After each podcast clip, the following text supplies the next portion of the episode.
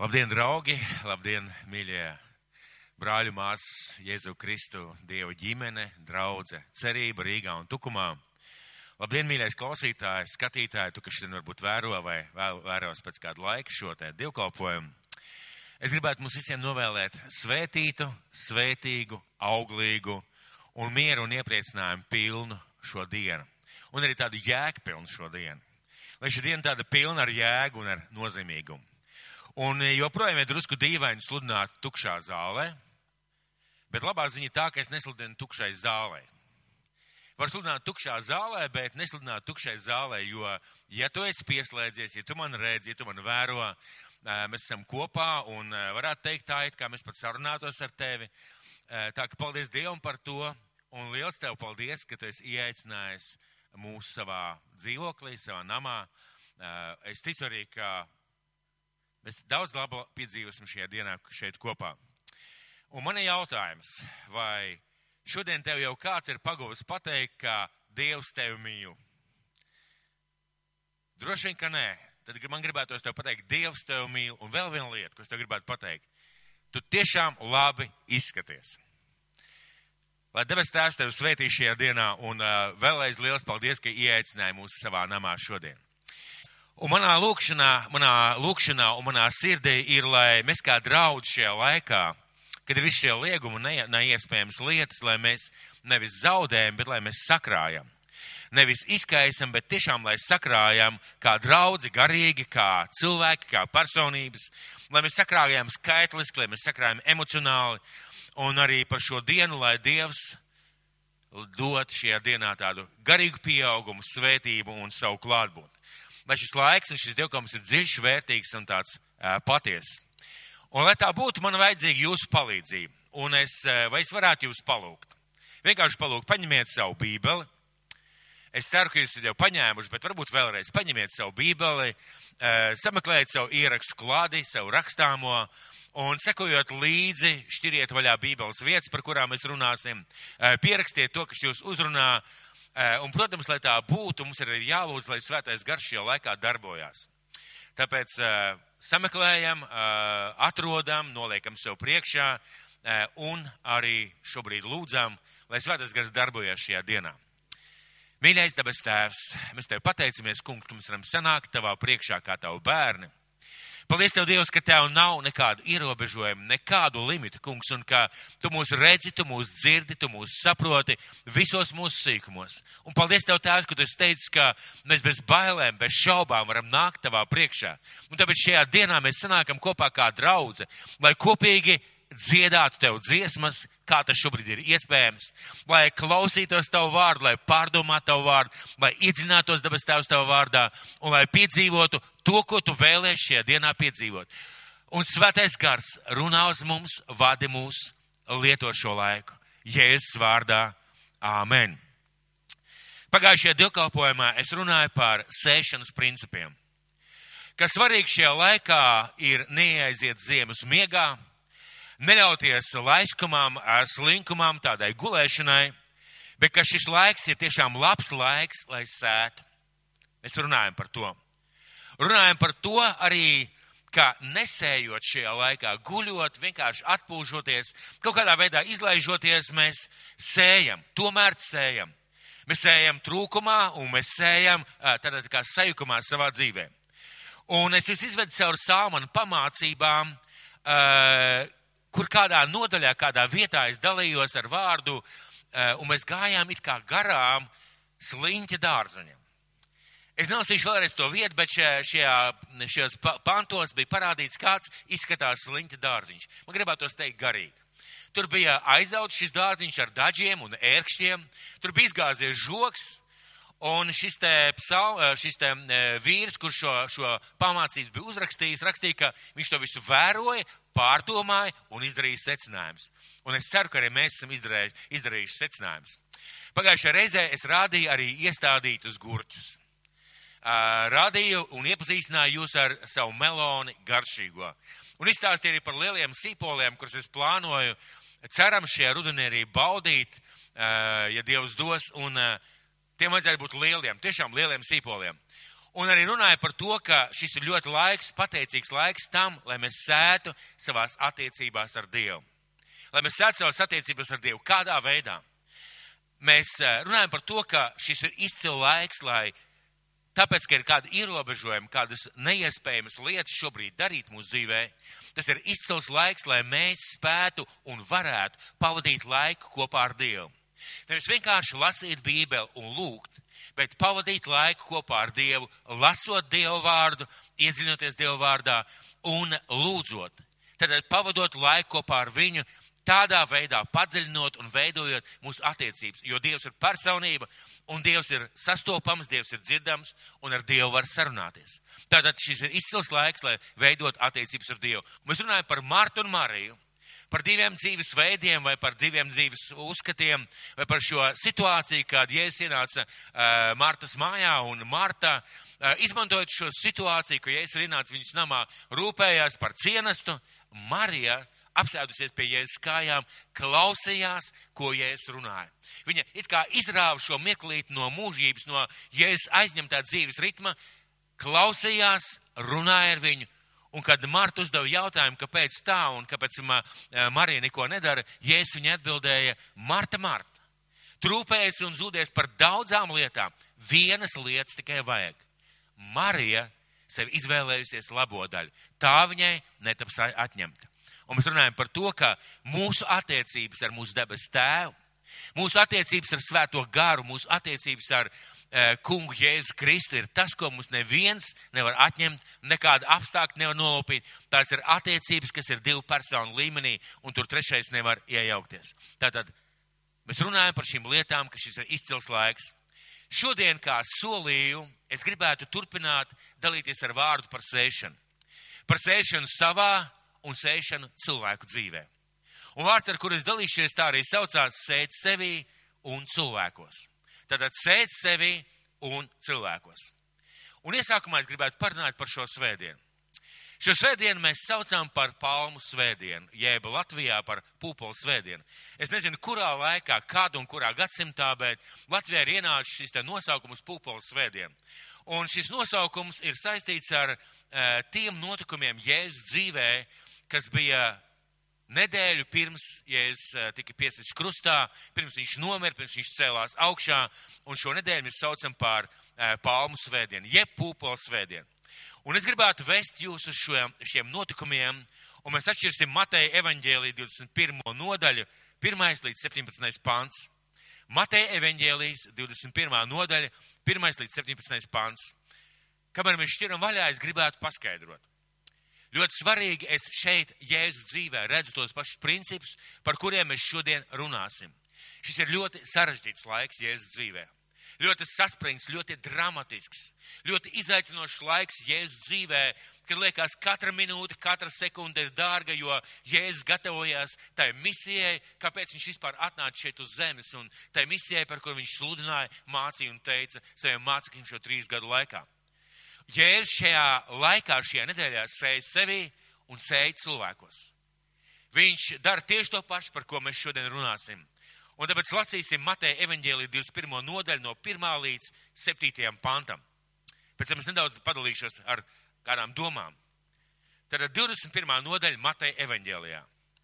Un kad tie tuvojās Jeruzalemē un nāca pie Betfaks, pie Eļas kalna, Tad Jēzus sūtīja divus no saviem mācekļiem un tiem sacīja: Ejiet uz miestu, kas ir jūsu priekšā, un tūdaļ jūs atradīsiet ēzeļa māti piesiet un pie tās kumeļu. Atraisiet tos un vediet pie manis. Un ja kas jums ko sacīs, tad atsakaiet. Tam kungam to vajag, tūdaļ viņš jums tos atlaidīs. Bet viss tas notika, lai piepildītos praviešu sludinātais vārds Sakiet Ciānas meitai, redzi, tavs ķēniņš nāk pie tevis lēnprātīgs, jādams uz ēzeļa un nastu nesējis ēzeļa mātes kumeļa. Un mācekļi nogāja un darīja tā, kā Jēzus tiem bija pavēlējis. Atveda ēzeļa māti un, ku, un kumeļu, uzlika tiem savas drēbes un sēdināja viņu tur virsū. Bet daudz ļaužu izklāja savas drēbes uz ceļa. Citi cirta zarus no kokiem un kaisītos uz ceļa. bet ļaudis, kas gāja viņiem priekšā un nopakaļ, kliedza un sauca. Ozianna Dāvida dēlam, slavēts, kas nāk tā kunga vārdā. Ozianna visaugstākajās debesīs. Un kad viņi iejāja Jeruzālēmē, visa pilsēta sacēlās un sacīja, kas tas tāds? Bet ļaudis sacīja, šis ir pravietis Jēzus no Nācerets Galilejā. Un ja es iegāju dievnamā un izdzinu laukā visus, kas dievnamā pārdeva un pirka, apgāz naudas mijai galdus un balošu pārdevēju solus, un saka tiem, ir rakstīts, manam jā, namam jābūt lūkšana namam, bet jūs to esat padarījuši par slepkavu bedri. Un akli un tīzli nāca pie viņa dievnamā, un viņš dziedināja tos. Bet, kad augstie priesteri un raksta mācītāji redzēja brīnumu darbus, ko viņš darīja, dzirdēja bērnus dievnamā kliedzam un saucam Ozijana Dāvida dēlam, tad tie apskaitās un sacīja uz viņu, vai tu nedzirdi, ko šie saka? Bet Jēzus saka tiem, dzirdu gan. Vai jūs nekad neesat lasījuši no bāriņu un zīdaiņu mutes tu sev slavu sagādājis? Un viņš atstāja tos, izgāja no pilsētas uz Betāniju un palika tur pa nakti. Šo svētdienu sauc par palmu svētdienu tāpēc, ka cilvēki cirta šos te zarus, lika uz ceļa, lika jēzum zem kājām tādā veidā pagodināt un saucot šos te slavus vārdus un pagodināt Jēzu. Kā Jēzus šajā vietā, jeb šajās, nu, šajos notikumos sēž sevi? Es gribētu padalīties ar dažām lietām, ko es ieraudzīju šajā stāstā. Un tas ir stāsts par šo svētdienu, svētdienu pirms lieldienām.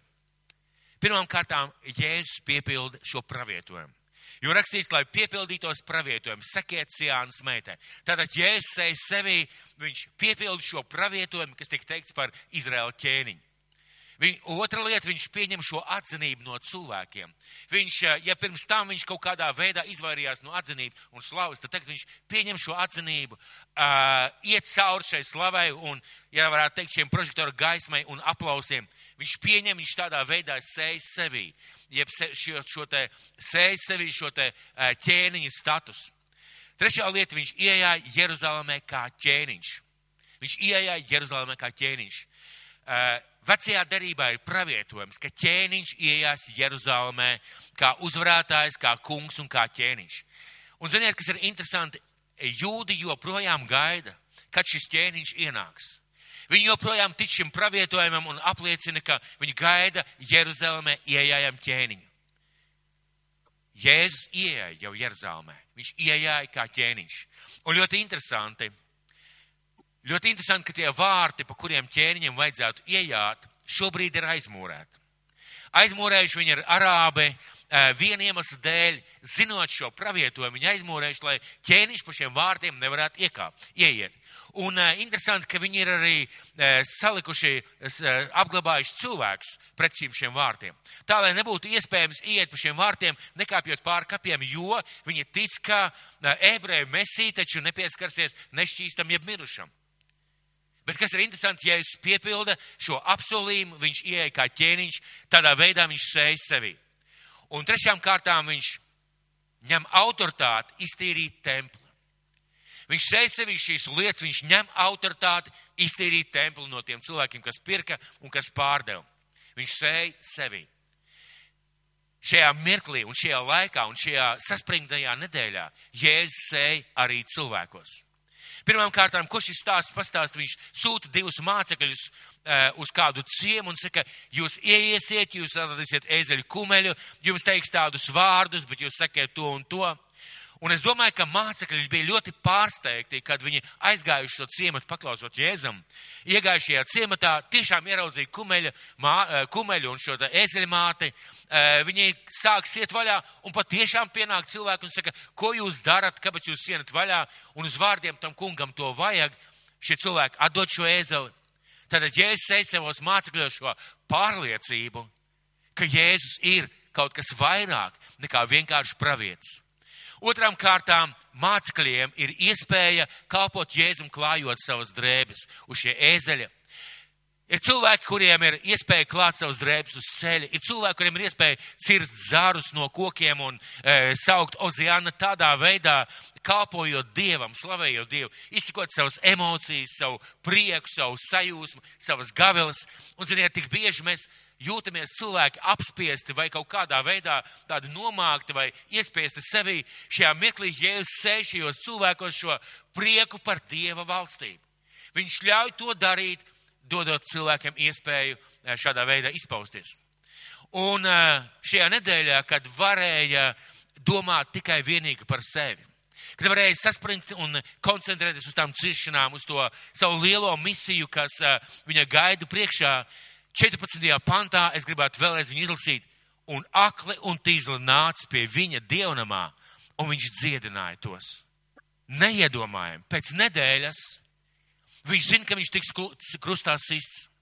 Viņš zina, ka pēc nedēļas viņam būs jāiet cauri lielām, milzīgām ciešanām un pazemojumam.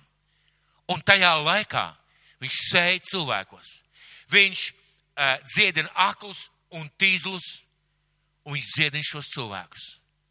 Viņš šeit cilvēkos šo pārliecību, šo ticību Dievu valstībai, Dievu spēkam un Dievu mīlestībai šiem cilvēkiem. Tad Jēzus šeit. Un ziniet, Viņš kalpo šajā nedēļā tieši tādā pašā garā.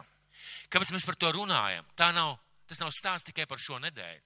Tas ir stāsts par arī šo laiku, kurā mēs dzīvojam. Un mēs šajā lieldienu laikā un lieguma laikā un ierobežuma laikamā, laikā varam sēt sevī un varam sēt cilvēkos. Kādā veidā mēs varam sēt sevī? Mēs varam sēt sevī, ļaujot Dievam sēt mūsos. Es gribētu vēlreiz atkārtot. Mēs varam sēt sevi, ļaujot Dievam sēt mūsos.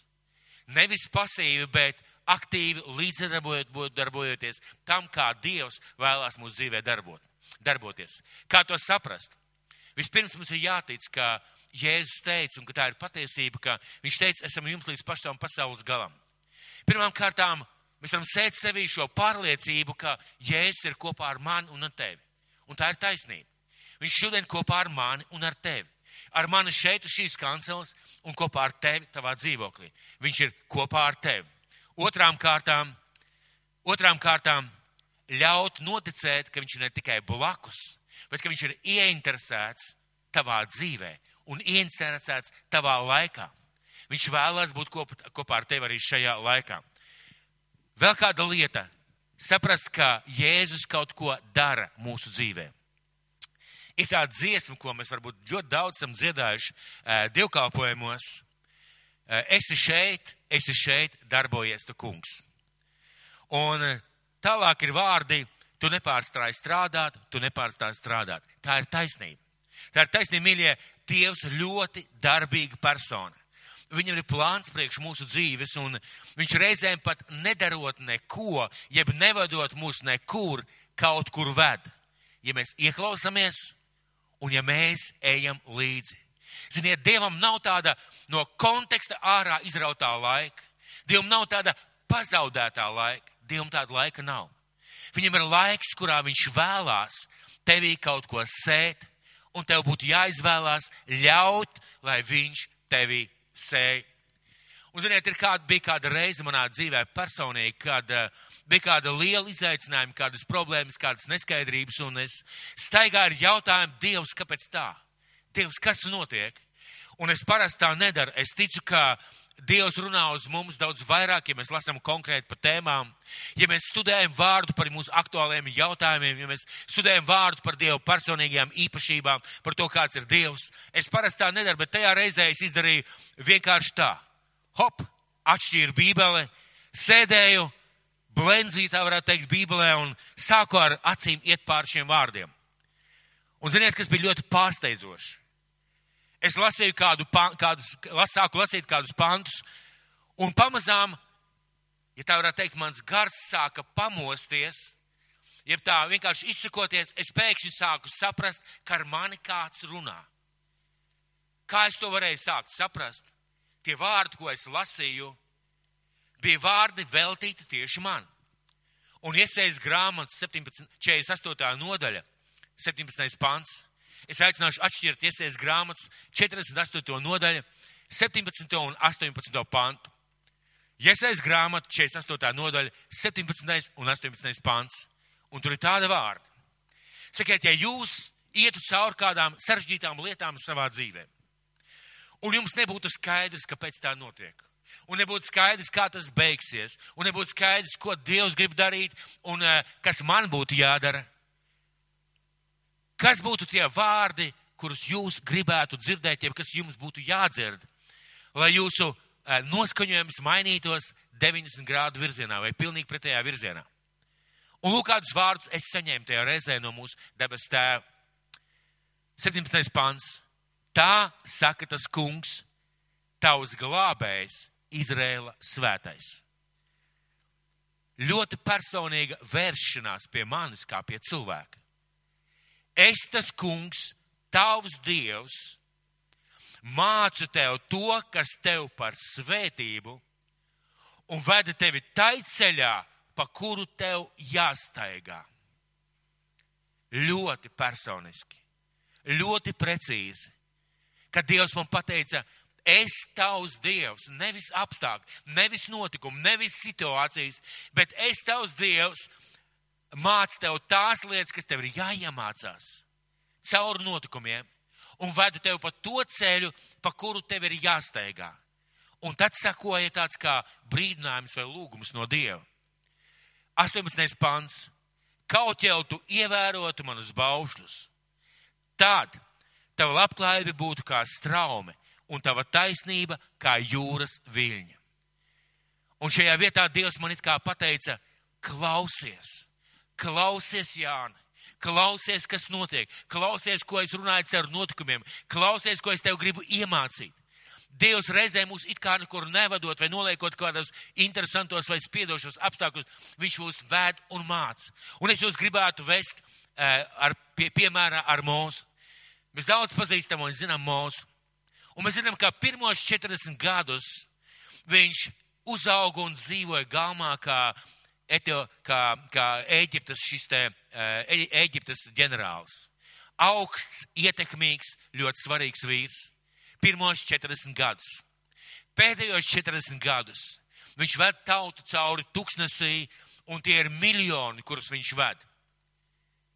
Bet pa vidu bija 40 gadi, par kuriem mēs ļoti maz ko lasām. Man ir jautājums, vai, vai tu domā, ka šie bija 40 gadi, kas vienkārši bija Mūzus nomaldījās tuksnesī? Dievs vienkārši apstādināja laiku. Šis laiks vienkārši tika pazaudēts. Nekādā gadījumā. Dievs palīdzēja Mozūts ar šiem 40 vidus, vidējiem gadiem. Kad viņš bija tuksnesī, kad mēs par viņu neko daudz nelasām vai nedzirdam, viņš palīdzēja Mozum nomirt vecajai dzīvei. Tai pierastajai dzīvei, kad viņš bija kā, kā tāds liels vīrs, kā liels ietekmīgs personība. Viņš veidoja Mozus raksturu. Viņš veidoja mūsu raksturu, lai mūsu būtu spējīgs panest tautas kurnēšanu un tautas problēmas. Viņš veidoja mūsu sirdi, rūpēties par šiem cilvēkiem. Viņš mācīja pazīt tuksnes, viņš mācīja par dzīvi tuksnesī 40 gadu garumā. Viņš mācīja rūpēties par avīm. Viņš mācīja rūpēties par cilvēkiem. Šis laiks nebija izrauts no konteksta. Šis laiks nebija pazaudēts tieši tāpat kā šis laiks šajās dienās šodien kopā ar tevi. Dievs tevi kaut kur ved. Un Dievs vēlās, lai tu saproti, ka Viņš vēlās sēt tavā dzīvē. Un tev ir jāļauj sēt. Tu vari sēt savā dzīvē, ļaujot Dievam sēt savā dzīvē. Un šis ir ļoti pateicīgs laiks. Mēs runājam daudz par to, ko mēs nevaram, ko mēs nespējam, kas mums ir atņemts, kas varbūt ir nepie, nepieejams šobrīd.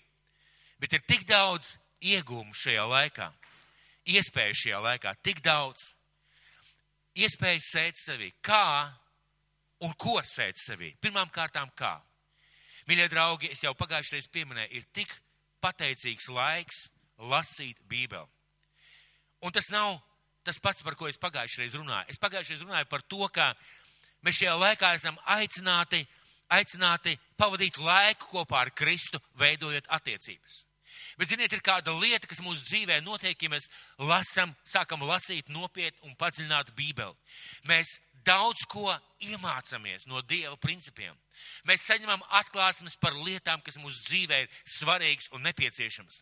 Mēs varbūt neesam nekad izlasījuši jauno derību, vai nekad neesam izlasījuši Bībeli, vai varbūt mēs nekad neesam darījuši tā, ka mēs ņemam vienu vēstuli no paša sākuma līdz beigām, izlasam, pārdomājam par tām vēstīm, par to lietu, ko Dievs vēlēs mums ar šo vēstuli pateikt.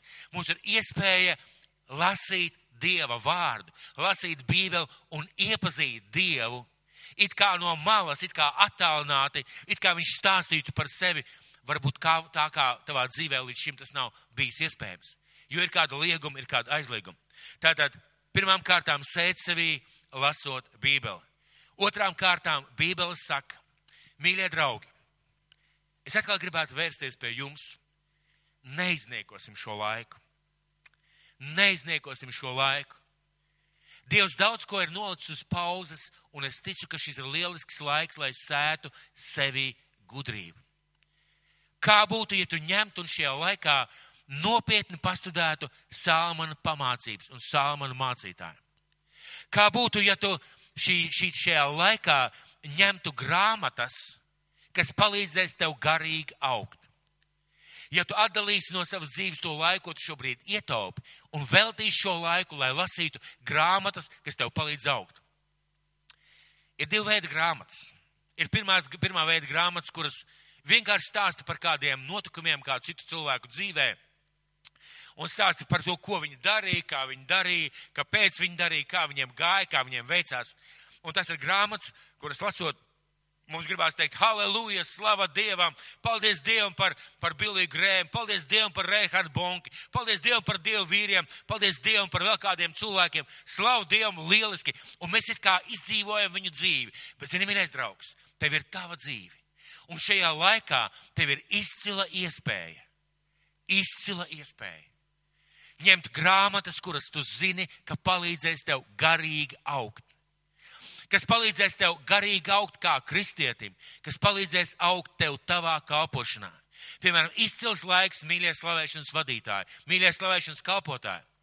Jūs šobrīd nav mēģinājumi, jums šobrīd varbūt nav kaut, kādi, eh, kaut kādas tikšanās, lietojiet šo laiku, lai skatītos video, lai skatītos, kā cits draudz slavē, lai lasītu grāmatas par slavēšanu. Jo pienāks laiks, kad jums mācītājs teiks, kāp uz skatuves, Un tas, ko tu šajā laikā būsi iesējis, varbūt būs tieši tas, kas tajā laikā būs vajadzīgs. Tātad domājiet par to, domājiet par to, kā augt garīgi un arī savā kalpošanā. Un par darbu runājot. Mīļie draugi, Dievs dod mums gudrību. Bet, ziniet, kaut kā interesanti ir sanācis, ka, lai, piemēram, iemācītos darboties labi ar telefonu, kas tev varbūt ir nopirkts vai uzdāvināts, tev vajag palasīt pamācības. Tev vajag palasīt kaut ko tādu, kas tev palīdz saprast tavu telefonu. Varbūt tu strādā kādā darbā un eh, varbūt šobrīd ir pilnīgi pauze šajā darbā. Veltī šo laiku, lai palasītu par tām lietām, kas tavā darbā ir svarīgas.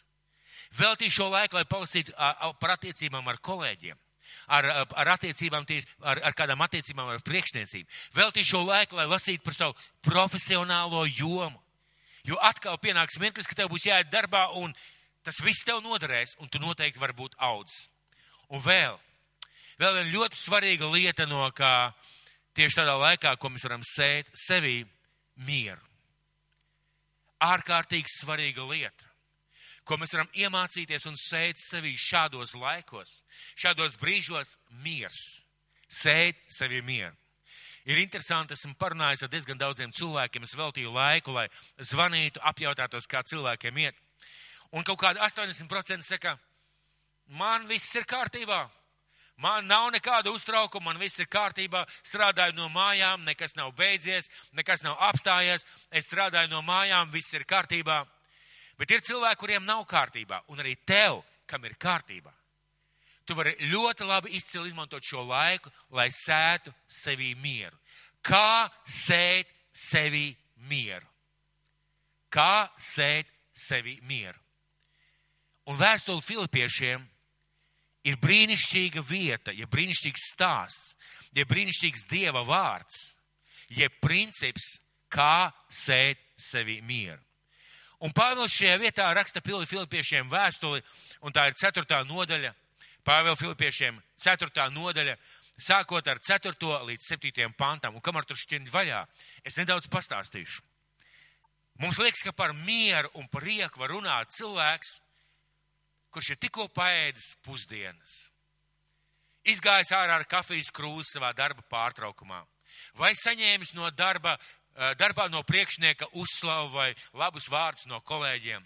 Vai dzīvē viss ir kārtībā, tikko saņemt algu un tu plāno, ko tu tagad pirksi eh, tuvākajās dienās? Mums liekas, ka mums par prieku un mieru var runāt tāds cilvēks.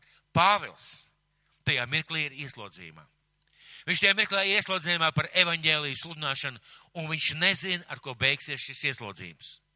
Un viņš raksta vēstuli Filipiešiem. Un lūk, sākot no 4. panta. Priecājieties ikštā kunga vienmēr. Es vēlreiz teikšu, priecājieties. Jūsu lēnība, lai kļūst zināma visiem cilvēkiem, kas, ka tas kungs ir tuvu. Nezūdieties nemaz, bet jūsu lūgumi, lai nāk zinām Dievu priekšā ar pateicību, ikvienā pielūgšanā un lūgšanā. Dažas lietas. Pāvils saka, priecājieties vienmēr. Kad priecāties? Kad ir labi, kad ir fantastiski, kad ir brīnišķīgi, kad ir jauki? Protams. Bet vai var priecāties arī tad, kad ir kaut kāda liegumi, kaut kādas grūtības, kaut kādas neskaidrības? Vai var priecāties? Pāvils saka, ka var. Par prieku nekad neraksta cilvēks, kurš pats nav priecīgs. Ir grūti iedomāties cilvēku, kurš saka, priecājieties vienmēr. Es vēlreiz teikšu, priecājieties, un pats ziniet ar tādu seju, kad uh, lūpu kaktiņi ir gandrīz līdz bārdai. Es domāju, ka nē. Pāvils rakstīja priecāties vienmēr. Par ko priecāties? Pirmām kārtām priecāties par to, kad Dievs ir blakus. Priecāties par to, ka Viņš ir dzird, ka Viņš redz, ka Viņš ir kopā ar tevi. Priecāties par to, ka nekas un neviens tevi nevar šķirt no Viņa. Priecāties par to, ka ticīgajam visas lietas nāk par labu, jo Dievs tevi mīl. Tas ir kaut kas tāds, par ko var priecāties, priecāties un priecāties jebkuros apstākļos. Otra lieta, ko viņš saka, nezūdieties nemaz. Nezūdieties nemaz, kā izskatās zudīšanās. Zudīšanās izskatās bēdāšanās, satraukums, rūpes, kreņķis, kreņķēšanās, un tā varētu turpināt daudz, daudz un ilgi. Un varbūt, ja lai būtu interesantāk, varētu paskatīties Enzelīna vārnīcā, viņam tādi interesanti vārdi par bēdāšanos. Latvieši saka, neķert kreņķi. Respektīvi, nezūdieties nemaz. Kā var nezūdīties, ja ir tik grūti? Un pretēji zūdīšanai, pretēji zūdībām ir nākšais vārds, ko Pāvils šeit saka. Nezūdieties nemaz, bet jūsu lūgumu, lai nāk zinām Dievu priekšā. Ar pateicību ikvienā pielūgšanā un lūgšanā. Bet jūsu lūgumi, lai nāk Dievu priekšā, lūdziet, priecājieties par to, ka Dievs jūs dzird un lūdziet, runājiet ar viņu. Paņemiet to savu nastu un it kā nolieciet pie Kristus kājām. Ziniet, austrumu kultūrā ir tā, ka tu dāvini kādu dāvanu vai dod kaut ko vērtīgu, ļoti bieži noliek pie šī e, dāvanas saņēmēja kājām. Un es gribētu teikt tā, kā būtu, ja tu sevi rūpi, savu krēņķi, savu problēmu, savu, savu satraukumu, savas bēdas, un varbūt savas rūpes par to, lai tu neslimtu ar koronavīrusu, vienkārši paņemtu rokās un noliktu pie Kristus kājām. Atdotu viņam šo savu vajadzību, šo savu rūpi, nolikt pie viņa kājām. Un jūsu lūgumu lai nāk Dievu priekšā ar pateicību ikvienā pielūgsmē un ikvienā lūkšanā. Tātad nezūdoties, nākot Dievu priekšā ar prieku, ar pateicību, ikvienā pielūgšanā un lūkšanā.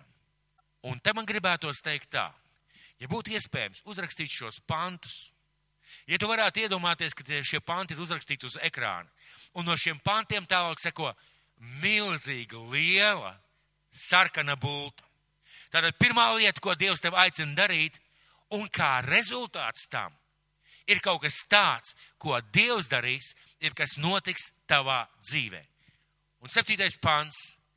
Un Dieva miers, kas ir augstāks par visu saprašanu, pasargās jūsu sirdis un jūsu domas Kristu Jēzu. Tātad ceturtais pāns - priecājieties, sastais nezūdieties, bet lai lūgum nāk ar pateicību Dievu priekšā. Un kā rezultāts tam, un Dieva miers, kas ir augstāks par visu saprašanu. Tad Dieva miers, kas ir augstāks par principiem, par loģiku, par domāšanu, kas būs, kā būs, kāpēc būs, kādā veidā būs. Šis ir Dieva miers, kas ir augstāks par atbildētām lietām vai skaidrībām. Šis Dieva miers, Dieva miers pasargās jūsu sirdis un jūsu domas Kristu Jēzu.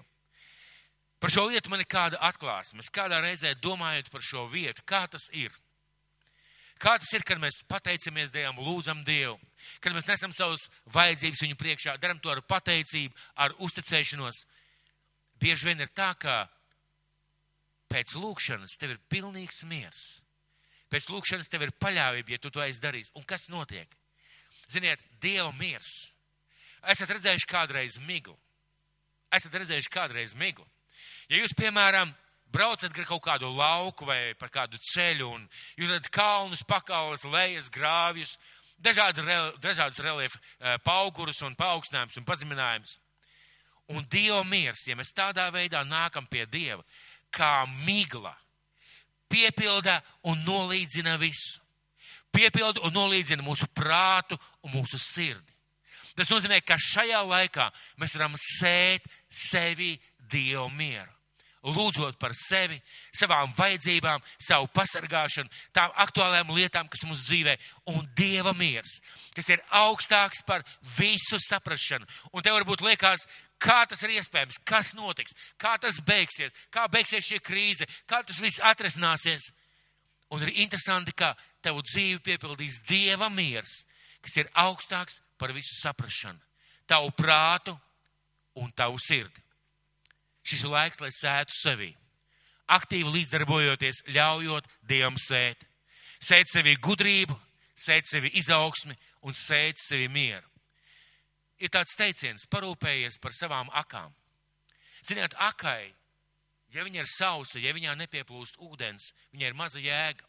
Tas vienkārši tāds caurums ar vāku, varbūt klāt ar vinda un vēl spainis karājās, bet viņai maz jēga, maz ūdens.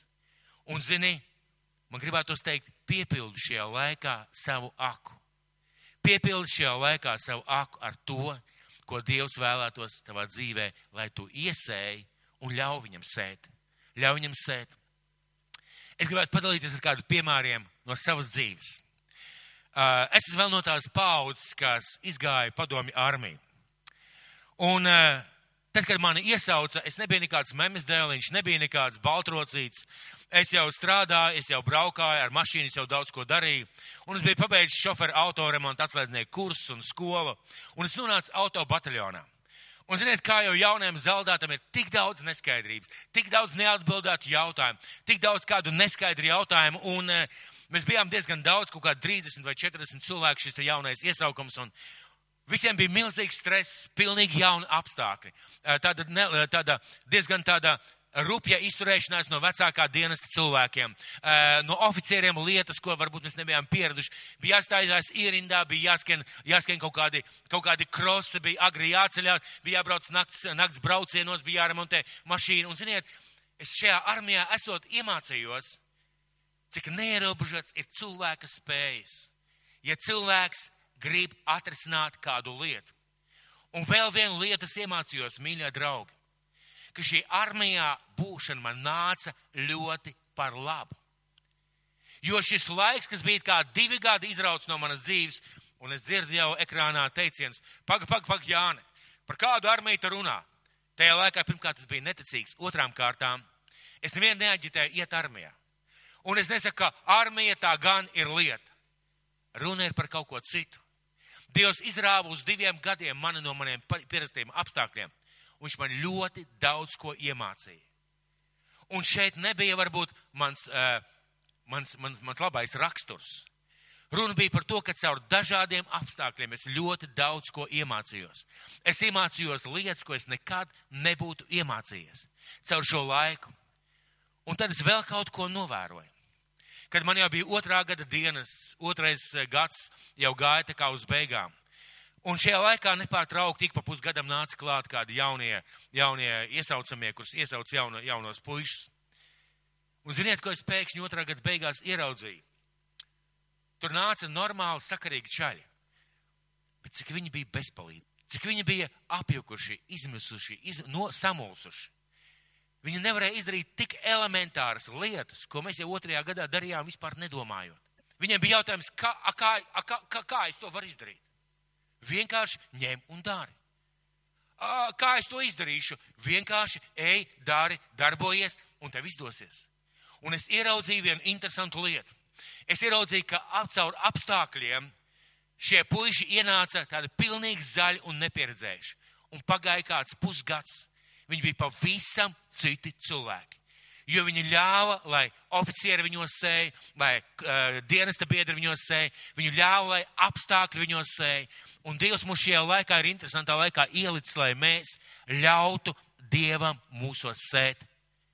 Lai Dievs ļautu, lai mēs ļautu Dievam mūsos sēt. Tad šī lieta sēja sevi. Sēja sevi negul šajā laikā. Un otrā lieta, ļoti, ļoti svarīga lieta svei cilvēkos un attiecībās ar cilvēkiem. Svei cilvēkos un attiecībās ar cilvēkiem. Šodien ļoti daudzi e, kristieši un nekristieši e, dzīvo tādā individuālā pasaulē. Es un mans dievs, es un mana ticība, es un mana pārliecība. Un pat nesakot vārdus, man draudz nevajag. Cilvēki demonstrēja, rāda šādu attieksmi. Un varbūt kāds teiks arī šajā laikā, beidzot, es varu pabūt mājās. Beidzot, es varu kopt, kopt viens pats savu ticību un kaut kādā veidā tādā dzīvot. Bet, ziniet, mīļais draugs, šodien ir ļoti daudz cilvēki, kuriem ir nemiers. Šodien ļoti daudz cilvēku, kuriem ir neziņa, šodien ļoti daudz cilvēku, kuriem ir garīga un emocionāla vientulība. Šodien ļoti daudz cilvēku, kuriem ir bailes un, zināmā mērā, garīgs trūkums. Un šodien ir arī cilvēki, kas ir ārkārtīgi pašpietiekoši. Viņiem neko nevajag. Viņiem viss ir kārtībā. Un arī šiem cilvēkiem vajag, lai mēs esam kopā ar viņiem. Un kā kāds mācītājs teica, izmantojiet šo laiku, lai būtu pieklājīgi, uzbāzīgi. Ko tas nozīmē? Izmantosim šo laiku, lai būtu dažādos veidos kopā ar cilvēkiem. Un es tu gribētu teikt tā, mīļais draugs, atceries, tā lieta, pie kuras tu strādā, tas projekts, ko tu šobrīd dari, tie jautājumi, kurus tu risini, tās lietas, ko tu šajā, šajā mirklī un šajā laikā daudzkārt un dažādi savā dzīvē pārdzīvo, vienreiz beigsies. Vienreiz beigsies un uh, vienreiz tas apstāsies un varbūt uh, tu pat neatcerēsies par to. Bet tas, ko tu šajā laikā iesēsi cilvēkos, tas paliks. Tie jautājumi, tās problēmas, tās situācijas, kuras mēs šobrīd risinām, viņas vienreiz beigsies un izrādīsies varbūt nemaz nebija svarīgas. Bet tas, ko tu iesēji šajā laikā cilvēkos, tas noteikti paliks. Tas noteikti paliks. Kā mēs varam sēt cilvēkos? Ļaujot Dievam sēt caur mums. Mēs varam sēt šodien cilvēkos, ļaujot Dievam sēt caur mums. Pirmām kārtām lūdzot par Dievu, lūdzot Dievu par draudz un lūdzot Dievu par cilvēkiem apzināti, noteikti konkrēti, lūdzot Dievu par cilvēkiem un lūdzot Dievu par draudz. Mēs varam izveidot sarakstu. Mēs varam paņemt sarakstu, apsēsties un izveidot sarakstu, piezvanīt kādiem cilvēkiem. Zvanīt kādiem cilvēkiem, kuram neesam zvanījuši, aprunāties vienkārši kā tev iet. Mēs varam aizsūtīt atbildi uz WhatsApp īsiņu vai uz kādu īkšķīti. Mēs varam uzrakstīt kādu komentāru sociālajos tīklos vai mūsu WhatsApp grupā vai īsiņā kādam cilvēkam atbildēt. Mēs varam pajautāt kādam cilvēkam, kā tā vieta un zini, kā es tev varētu palīdzēt. Un pat šis jautājums jau ir palīdzība tam cilvēkam. Mēs varam aizsūtīt īsiņu, īsu video ar uzmundrinājumu vārdiem. Un mēs varam runāt un teikt cilvēku dzīvē pozitīvas lietas pozitīvas lietas. Gribētu īpaši to uzsvērt. Teiksim šajā laikā cilvēku dzīvē pozitīvas lietas. Ja kāds ir atlaists no darba, vai tu zini, ka ir atlaists, piezvan viņam, pasaka, Dievs parūpēsies par tevi. Dievs rūpēsies par tevi, tu neesi aizmirsts. Zvaniet cilvēkiem, runājiet ar cilvēkiem, būsim tā pieklājīgi, uzbāzīgi komunicēt ar cilvēkiem. Jēzus pēdējā nedēļa. Jēzus pēdējā nedēļa Viņš zināja, kas viņu sagaida. Viņš droši vien varēja domāt tikai par sevi šajā laikā. Domāt par savu lielo misiju un izaicinājumu. Viņš varēja aiziet tuksnesī pie tēva, viņš varēja no, norobežoties un uh, atteikties no visiem un vienkārši pavadīt laiku viens pats kopā ar Dievu. Bet viņš sēja cilvēkos arī šajā pēdējā nedēļā. Ko viņš iesēja šajā pēdējā nedēļā savos mācekļos? Ko viņš iesēja šajā pēdējā nedēļā savos mācekļos? Un es gribētu jūs vest uz uh, Jāņa evaņģēlīja 13. nodaļu, 1. līdz 17. pants. Jāņa evaņģēlijas 13. nodaļa no 1. līdz 17. pantam. Un lasīsim no 1. panta Jāņa evaņģēlijas 13. nodaļa. Bet priekš lieldienas svētkiem, zinādams, ka viņa stunda bija nākusi un ka viņam no šīs pasaules jāiet pie tēva, es vēršos pie tiem, kas zina, ka šajā laikā nevar komunicēt. Ka šajā laikā negribētos cilvēkiem uzbāzties, ka šajā laikā negribētos cilvēkiem kaut kādā veidā traucēt, ka šajā laikā tik ērti palikt vienam pašam mājās. Jēzus zināja, kas viņu sagaida, ka viņš no šīs pasaules iet pie tēva. Jēzus parādīja savējiem, ko tas šī pasaulē bija mīlējis, savu mīlestību līdz galam, norobežojoties Pēc ko lieciet mani mierā, man tagad sarežģīts laiks, aizejot virtuāli sevī. Nē, viņš parādīja mīlestības galam kādā veidā. Vakariņas ēdot, kad jau vēlns jūdam sīmeņa dēlam izkaratam bija sirdī iedevis viņu nodot, zinādams, ka tēvs visu bija licis viņa rokās, un ka viņš pie dieva aiziet, kā viņš no dieva ir nācis. Viņš ceļas no vakariņām, noliek drēbes, ņem priekšaut un apsien to. Pēc tam ielēja ūdeni traukā un sāk mācekļiem kājas mazgāt un tā žāvēt ar priekšaut, ko viņš bija apsējis. Kad viņš nāk pie sīmaņa Pētera, tas viņam saka, kungs, vai tu man mazgās kājas? Ja es atbildēju viņam, ko es daru, to tu tagad nezini, bet pēc tu to sapratīsi. Pēters viņam saka, nemūžām, tu man nemazgās kājas. Jēzus atbildēja viņam, ja es tev nemazgāšu, tev nebūs daļas pie manis. Sīmanis Pēters viņam saka, kungs, nevien manas kājas, bet arī rokas un galvu. Jēzus saka viņam, kas ir mazgājies, tam nevajag vairāk kā vien kājas mazgāt, jo viņš viss cauri ir tīrs. Arī jūs esat tīri, bet ne visi. Un šeit gribētu nedaudz īsi apstāties. Mīļie draugi, ko Jēzus izdara? Viņš saviem mācekļiem parāda mīlestību līdz galam. Viņš nomazgā viņiem kājas. Viņš parāda pazemību, viņš parāda draudzību, viņš parāda mīlestību, viņš parāda kaut ko tādu, ko mācekļi nekad nebūtu iedomājušies sagaidīt no viņa. Un arī šajā laikā, mīļais draugs, ļoti iespējams kāds cilvēks no tevis gaida kaut ko tādu, vai var saņemt kaut ko tādu, ko viņš nekad no tevis nebūtu sagaidījis. Un mēs redzam Pēteru, kurš saka, Jēzu, tu man nemazgās kājas. Un iesaka ļoti interesants vārds. Ja es tev nemazgāšu kājas, tev nebūs daļas pie manis. Un redziet, mīļie draugi, ja mēs neesam attiecībās viens ar otru, ja mēs kaut kādā veidā nesējam citu cilvēku dzīvē, ja mēs neieguldam sevi citu cilvēku dzīvē, mums nav daļas gar viņiem. Mums nav daļas gar viņiem. Ja es skaidru to pasaku, Pēter, tev nebūs daļas. Ja es tev nemazgāšu kājas, ja es tev nesēšu, ja es tev nebūšu kopā ar tevi, ja tu nepieņemsi manu palīdzību, tev nebūs daļas gar manis. Un Pēters saprot, ka viņš tā nevēlas. Viņš saka, jēzus ne tikai kājas, bet rokas un galvu. Un iesaka tiem, kas ir mazgājušies. Neko vairs nevajag mazgāt kā tikai kājas. Pēters saprat šo lietu. Un, mīļie draugi, Šeit ir viens princips, par ko es gribētu pieminēt. Ja mēs neieguldamies cilvēkos, ja mēs neieguldamies draudzē, ja mēs neliekam kādas lietas, kādus instrumentus nelietojam, lai ienāktu cilvēku dzīvē ar mīlestību, ar zvaniem, ar uzmanību, mums nav daļas gar viņiem. Redziet, un Jēzus šajā laikā ieguldījos savās 12 mācekļos, mazgājot viņiem kājas, esot kopā ar viņiem, parādot šo viņa dzīvē vēl nepiedzīvo to mīlestību, atzinību un pieņemšanu no Kristus. Un iesaka, ja es mazgāju kājas, Ar jums pienāks vienam otram mazgāt kājas. Un šajā gadījumā Jēzus nerunā fiziski.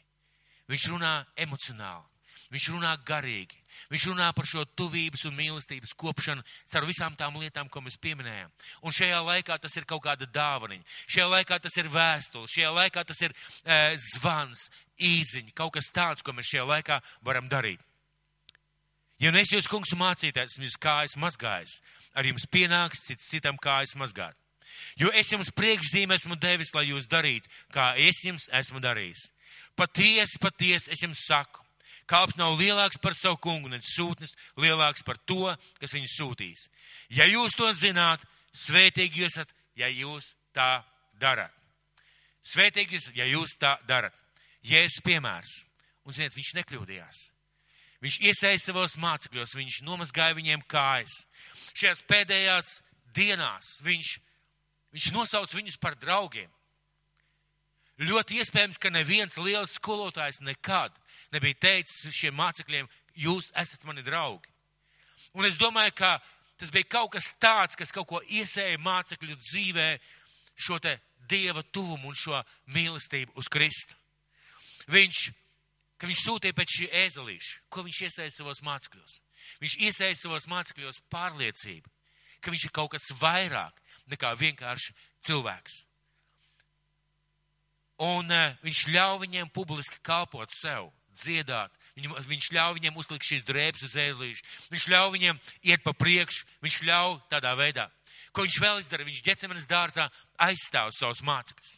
Viņš saka, ka neviens nav pazudis un neviens arī nepazūd. Un Jēzus piemērs ir mūsu dzīve. Mūsu dzīvē Jēzus piemēram ir jābūt tādam, kas ir reāls un praktisks. Man ļoti patīk vēstule efeziešiem, kas rakstīta jaunajā tulkojumā. Un tur ir tādi ļoti interesanti vārdi.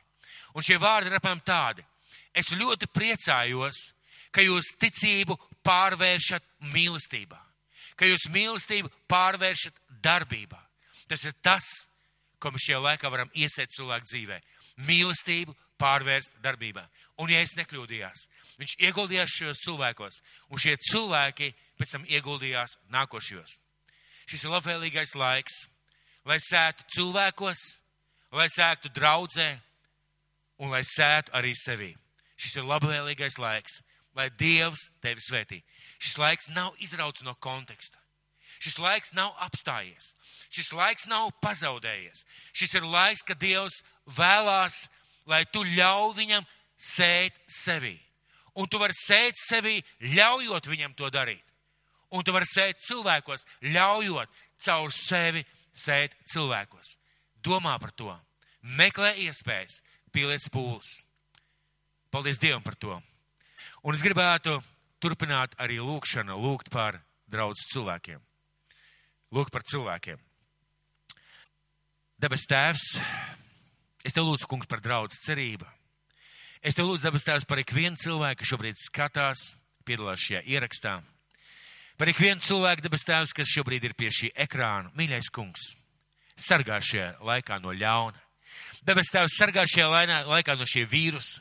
Palīdz Dievs iziet cauri visām lietām ar prieku un ar pateicību. Mīļais kungs, svētī. Svētī, dabas tēvs, tu mūs mans Dievs. Palīdz un kā es klāt. Jēzus Kristus vārdā. Tāpat, dabas tēvs, mēs tev lūdzam, esi kopā ar mums ikvienu. Mūsu vajadzībās, mūsu grūtībās, mūsu problēmās. Un lai kungs tava roka, lai kungs tava svētība, lai kungs tavu palīdzību ir kopā ar mums. Mīļie draugi, lai Dievs jūs svētī, lai Dievs ir kopā ar jums, lai Dievs šo laiku dara par auglīgu, ražīgu, kad jūs sēdat sevī, jeb sēdat sevī, ļaujot Dievam sevī sēt, kad jūs sēdat cilvēkos, ļaujot cilvēkiem piedzīvot jūsu mīlestību. Lai debes tēvs jūs svētī kopā ar jums. Jēzus Kristus vārdā. Amen.